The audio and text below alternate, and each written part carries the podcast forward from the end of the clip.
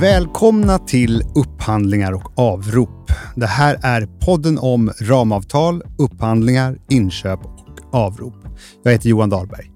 Simfra är ju inköpscentralen som tecknar avtal för våra närmare 500 medlemmar inom försörjningssektorn och vi har en vision om att bli en naturlig del i medlemmarnas inköpsverksamhet.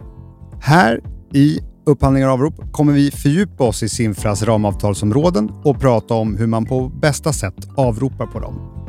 I vårt allra första avsnitt har jag fått sällskap av Jessica Lindqvist och Sofia Rörström som båda två jobbar som upphandlare på Simfra. Välkomna! Tack så mycket. Tackar, tackar. Berätta vad ni gör och vilka ni är. Ja, jag kan börja. Ja. Eh, Jessica Lindqvist heter jag. Arbetar som taktisk upphandlare inom en kategori som heter tjänstekonsulter och konsulter på Sinfra. Eh, vi är en inköpscentral inom försörjningssektorn.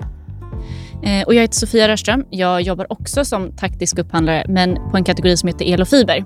Vår roll som taktisk upphandlare är främst att ha närmare kontakt med våra medlemmar eh, så att vi ger dem det stöd de behöver, men också får input till våra avtal så att vi upphandlar rätt saker. Ja, men då sätter vi igång och det kommer handla om två ramavtalsområden. Jessica, du är här idag för att prata om fordon Ja, det stämmer. och Sofia laddstationer. Jajamän.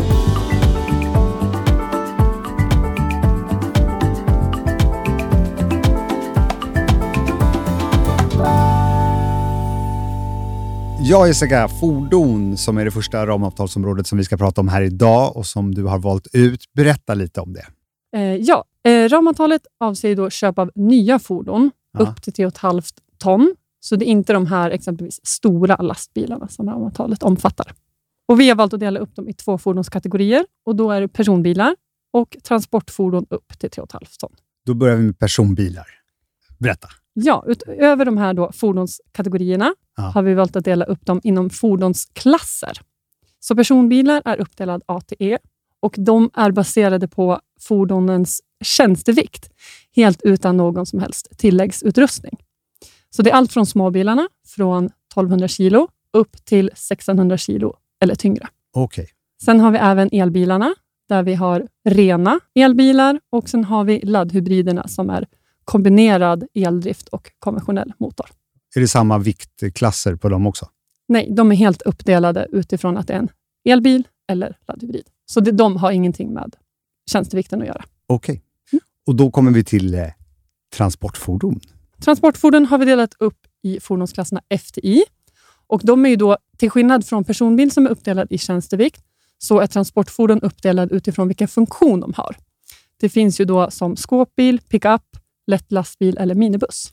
Okej, och om jag förstått det hela rätt, så du berättade det här att det här handlar ju om bara fordonen utan tillägg. Men man behöver ju grejer. Så eh, kan man lägga till utrustning eller liksom specifika val? Ja, men självklart så kan man köpa till utrustning och olika typer av tillval utifrån specifika behov man har. Eh, Dels kan man då avropa till en tilläggstjänst såsom service och då ska det här serviceavtalet tecknas i samband med när man köper fordonet. Så det är ingenting som man kan lägga till i efterhand. Okej. Man har även möjlighet att önska någon specifik färg. Och vi vet att vissa medlemmar vill ha sin logga och då går det jättebra att få bilen stripad. Mm. Och för transportfordonen har man även möjlighet att avropa påbyggnad av de här skåpen som man har på bilen. Och vad var, kanske en väldigt stor fråga, men vad, vad var viktigt när ni upphandlade det här ramavtalsområdet? När man hör ordet fordon, så det första man kommer att tänka på är ju inte direkt hållbarhet. Nej. Men för oss på Sinfra är ju det väldigt viktigt och det är en stor del av vårt arbete och genomsyrar ganska mycket av det vi gör. Mm. Och Därför tyckte vi att det var väldigt viktigt för oss i den här upphandlingen att, att vi ville ställa aggressiva klimatkrav.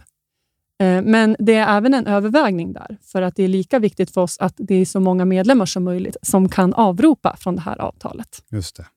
Och Vi vet ju även att infrastrukturen och möjligheterna hos våra medlemmar är så pass olika. Så vi vill att det ska funka både för medlemmarna i större städer och de medlemmarna som är på landsbygden.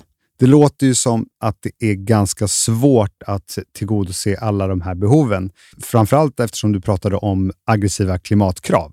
Först och främst, berätta om de här klimatkraven. Hur har ni tänkt där? Ja, vi vill ju öppna upp för att få in då fordon på bättre drivmedel, eh, vilket gjorde att vi landade i vi har en grunduppbyggnad för samtliga fordonsklasser i båda fordonskategorierna.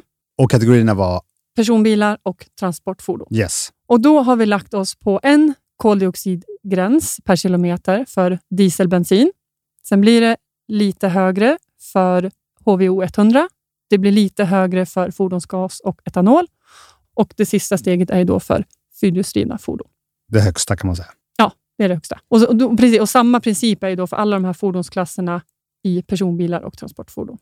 Samma princip, menar du då alltså, att nu har jag- fyrhjulsdrivna, eller är det fortfarande för transportfordon eh, samma mängd eh, koldioxid per kilometer för diesel och bensin? Jag tänker att transportfordon Nej. är ju större. Ja, men precis, så här, vi har ju nu, nu har jag tagit som ett exempel fordonsklass A. Personbil med tjänst upp till 1200 kilo. Och då får den maximalt släppa ut. Om det är en diesel eller bensinbil så är det 140 gram koldioxid per kilometer. Sen när vi kommer till fordonsklass B, då höjs den här hela tiden. Då kanske vi börjar på 150 gram, 160, 170. Så att det Så ökar på hela tiden. Den följer samma princip. Den men- följer samma princip Mm. oavsett liksom vilken fordonsklass det är. Okej, men för elbilarna då? Här var det lite st- lättare att ställa tuffare klimatkrav. Ja, Dels har vi då på E1-bilarna, vilket är de här personbilarna med ren eldrift. De har vi satt som klimatkrav att de får maximalt släppa ut 0 gram koldioxid per kilometer. okej. Och för elbilarna med laddhybriddrift, de får maximalt släppa ut 80 gram koldioxid per kilometer. Och Självklart har vi ställt krav på att samtliga fordon ska uppfylla emissionskraven enligt Euro 6. Och Det är ju alltså personbilar eller lätta transportfordon som säljs nya i Sverige idag måste ju ha det. Ja. Det är lag. Så, så om jag förstår det hela rätt och för att sammanfatta så har ni alltså försökt hitta en lägsta nivå gällande klimatkrav. Ja, vi vill ju ställa aggressiva klimatmål, men eftersom alla ska kunna använda det kanske inte vi kan ställa så aggressiva som vi vill. Nej. Eh, utan vårt ramavtal är ju mer som en, en grund för allting. Och sen när medlemmarna går ut med sina förnyade konkurrensutsättningar så har ju de möjlighet att ställa ännu tuffare, ännu aggressivare klimatkrav. Okej. Och då hoppas vi att de som har möjlighet att göra det, att de faktiskt gör det.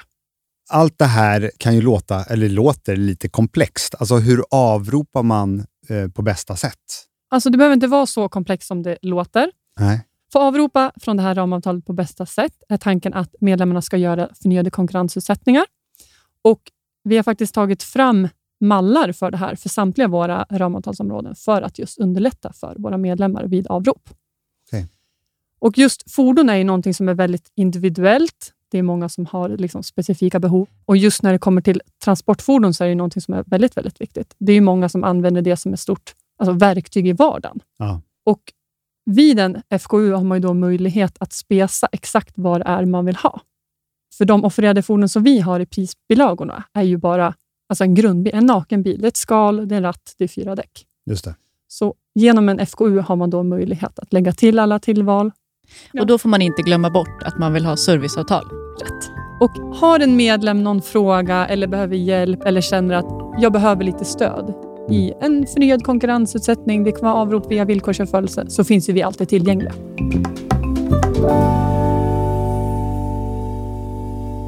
Nu har vi pratat om ramavtalsområdet fordon och som av en slump så ska vi nu gå över till ramavtalsområdet laddstationer. Sofia, berätta mer, för du, det här ansvarar du för. Ja, jo men eh, som Jessica var inne på lite grann så, så finns, är det ju väldigt varierande eh, runt om i landet med tillgång till laddstationer. Och, och Sinfra har ju en ambition att eh, verka för hållbarhet eh, och då ser vi det som ett naturligt steg att vara med i den omställningen, att gå mot ett mer fossilfritt samhälle, eh, att hjälpa till att bygga upp den infrastrukturen.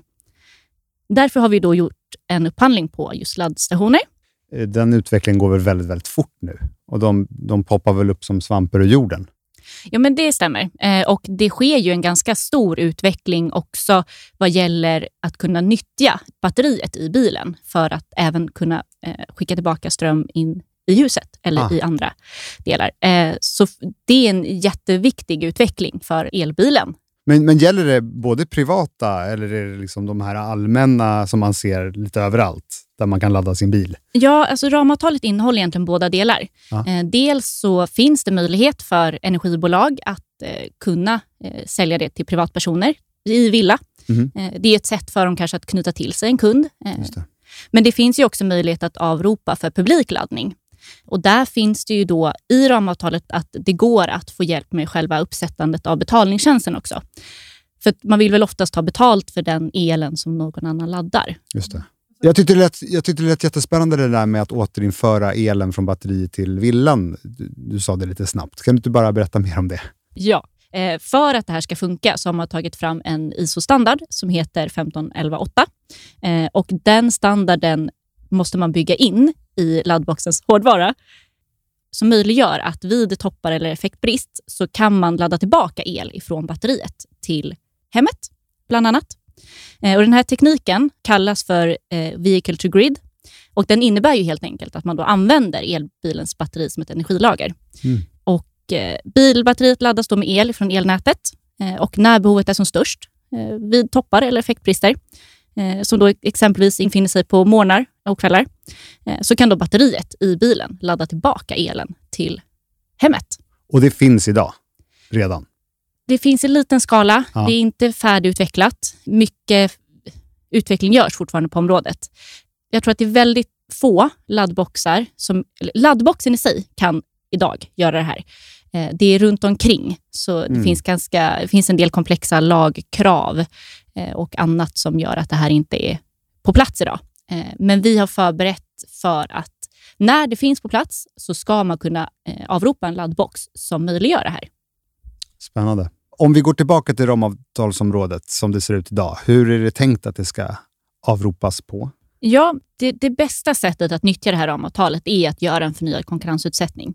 Det finns Eh, även öppnat för att kunna göra en så kallad villkorsjämförelse där man då avropar direkt ifrån prislista. Men det förutsätter ju att man behöver enstaka laddboxar som går att avropa eh, utifrån den specifikation som SINFRA har gjort. Eh, det finns också då möjlighet att avropa installation av den, eh, men det förutsätter också att installationen görs utifrån de parametrar som vi satt upp. Men det bästa sättet är ju då att kunna göra en förnyad konkurrensutsättning där man då helt enkelt kan specificera vad är det man behöver. Framför framförallt är det också om man ska ha en större mängd laddboxar, laddboxar, framförallt till eh, kommersiella hyresgäster eller kanske till en publik laddplats. För då finns det ju andra typer av krav som man behöver ställa på den laddstationen. Att det ska finnas möjlighet att ladda fler fordon samtidigt eller så. Och Då har man ju också möjlighet att få med installation, och kanske en lastbalansering, men också det här som jag pratade om i början med betallösning, service och support. Alltså, ramavtalsområdet heter ju laddstationer, men Mm. vilka olika typer av laddstationer finns det? För det finns väl inte bara en? Nej, det finns ju flera.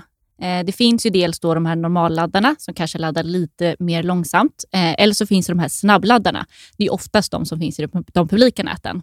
Eh, Och Det är ju för att det ska gå ganska fort. Man ska Mm. kunna göra det, exempelvis om man är inne och äter eller inne på ett möte någonstans, kunna ladda lite snabbare.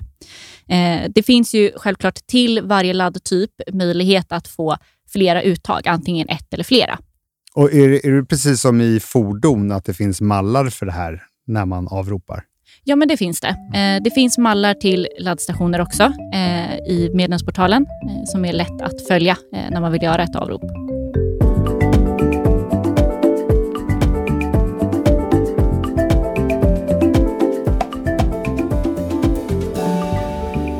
Det här eh, har ju varit det första avsnittet av eh, upphandlingar och avrop och de två ramavtalsområdena som vi har pratat om är alltså fordon och laddstationer. Vilket kanske också är lite alltså, kul eftersom det är inte det första man tänker på när man eh, tänker på Simfra. Ja, men precis. Mm. Tanken är ju från Simfras sida att vi har velat bredda vår avtalsportfölj. Eh, därför vill vi också lyfta de som kanske inte knyter an till det klassiska inom försörjningssektorn, utan berätta också om den bredden vi har. Att man inte bara kan eh, avropa det som tillhör den egna verksamheten, utan även sånt som hör till runt omkring.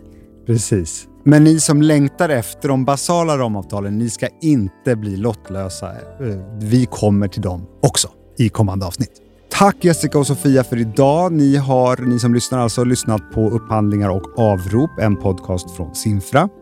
Och eh, håll utkik efter nya avsnitt. Finns där poddar finns. Hej då! Hej då! Hej då!